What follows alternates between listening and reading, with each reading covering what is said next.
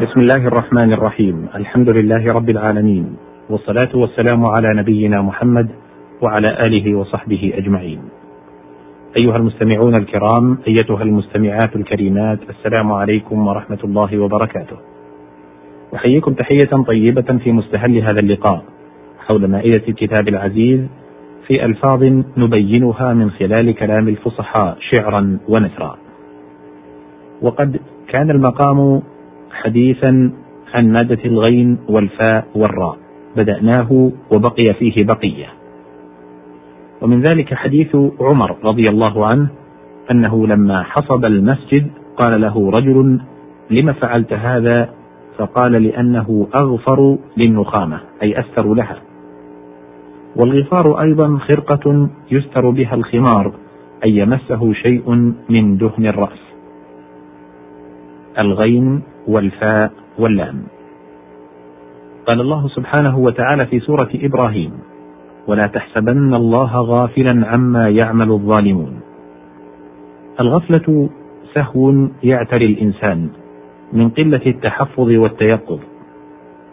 وقوله لقد, لقد كنت في غفلة من هذا.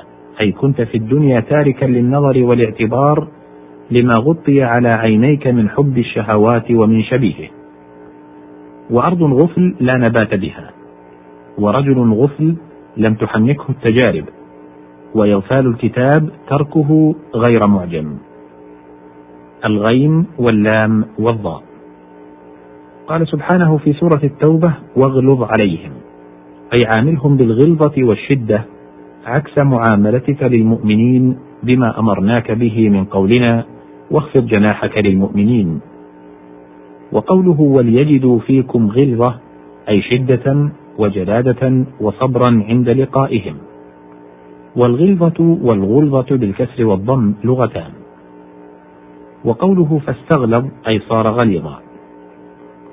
الغين واللام والفاء. قال تعالى في سورة البقرة قلوبنا غلف. قيل هو جمع غلاف. والأصل غلف بضمتين فخفف. ويدل له قراءة بعضهم إياه بضمتين.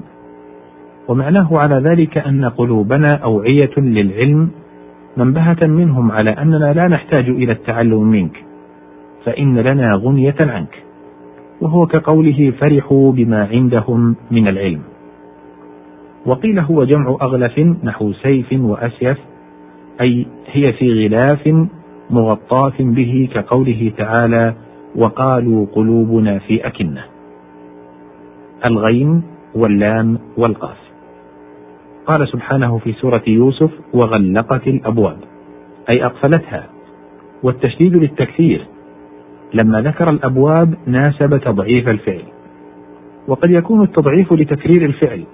وإن كان المحل واحدا نحو غلقت إذا غلقته مرارا. وقد يكون ذلك للمبالغة فيقال ذبحت الكبش. والمغلق والمغلاق والغلق لما يغلق به. وغلق الرهن غلوقا أي لم يوجد له مخلص. قال زهير وفارقتك برهن لا فكاك له يوم الوداع وأمس الرهن قد غلق. وفي الحديث لا طلاق في إغلاق. اختلف في تفسيره فقيل أي في إكراه. وكانوا يغلقون الباب على الرجل ويضيقون عليه حتى يطلق. وقيل معناه لا تغلق التطليقات في دفعة واحدة حتى لا يبقى منها شيء. الغين واللام واللام. قوله تعالى في سورة آل عمران وما كان لنبي أن يغل أي يخون يقال غل الجازر من اللحم إذا خان وسرق منه. وأغل السلخ في الإهاب أي ترك فيه بعض اللحم. والغلة ما يتناوله الإنسان من دخل أرضه. وأغلت ضيعته صارت ذات غلة. وأصل الغلل تدرع الشيء وتوسطه. ومنه الغلل للماء الجاري بين الشجر ويقال له الغيل. والغل مختص بما يقيد به والجمع أغلال. ومنه قوله تعالى إنا جعلنا في أعناقهم أغلالا. وغلت يد فلان وفلان مغلول اليد كناية عن البخل. ومنه قوله تعالى وقالت اليهود يد الله مغلولة غلت أيديهم. عاقبهم الله بما أقروه فلا يرى أبخل منهم. والغلالة ما بين الثوبين والشعار لما يلبس تحت الثوب والدثار ما يلبس فوقه. وقوله ونزعنا ما في صدورهم من غل الغل والغلول تدرع الخيانة والعداوة وهو الحقد. الغين واللام والواو. قال تعالى في سورة النساء لا تغلوا في دينكم. قيل معناه لا تجاوزوا فيه القدر الذي حد لكم. وأصل الغلو المجاوزة للشيء والزيادة.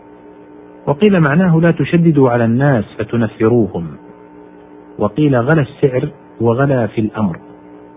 وأوقعوا الفرق بين المعاني في المصادر فقالوا في السعر غلاء وفي الأمر غلوا. الغاء واللام والياء.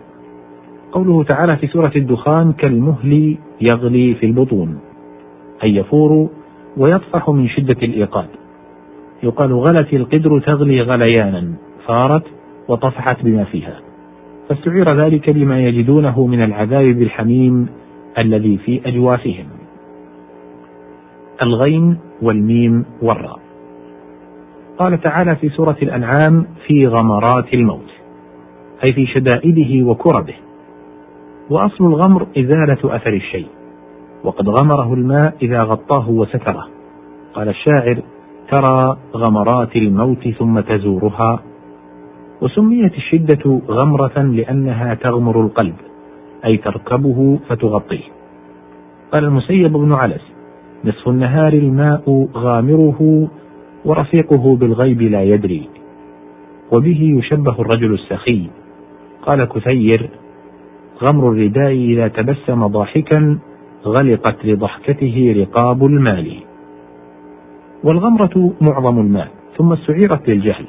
ومنه قوله تعالى فذرهم في غمرتهم أي جهلهم وقيل في حيرتهم وقيل في عمايتهم وكلها متقاربة. وقوله بل قلوبهم في غمرة أي في غطاء وغفلة. ورجل غمر أي جاهل كأن عقله غمر بالجهل والجمع أغمار. والغمر الحقد المكنون والجمع غمور. والغمر بالفتح ما يغمر من رائحة الدسم سائر الروائح وقد غمرت يده وغمر عرضه أي دنس. ودخلت في غمار الناس وخمارهم أي فغمروني. والغمرة ما يطلى به الجسد من الزعفران. وتغمرت بالطيب تضمخت لانغماره في الماء قيل القدح الذي يتناول به الماء غمر. وفلان مغامر إذا رمى بنفسه في الحرب. لتوغله وخوضه فيه كقولهم هو يخوض الحرب. الغين والميم والزعي قوله تعالى في سورة المطففين وإذا مروا بهم يتغامزون.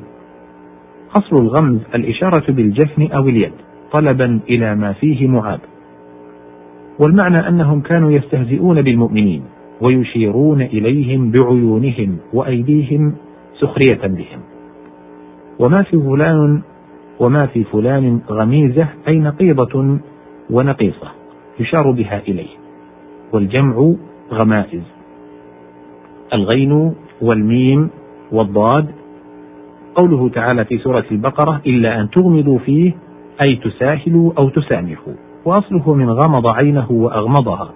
وضع أحد جفنيه على الآخر فاستعير للتغافل والتساهل لأن من تغافل عن الشيء غض طرفه عنه والغمض النوم العارض ومنه قولهم في المسألة غموض أي فيها خفاء.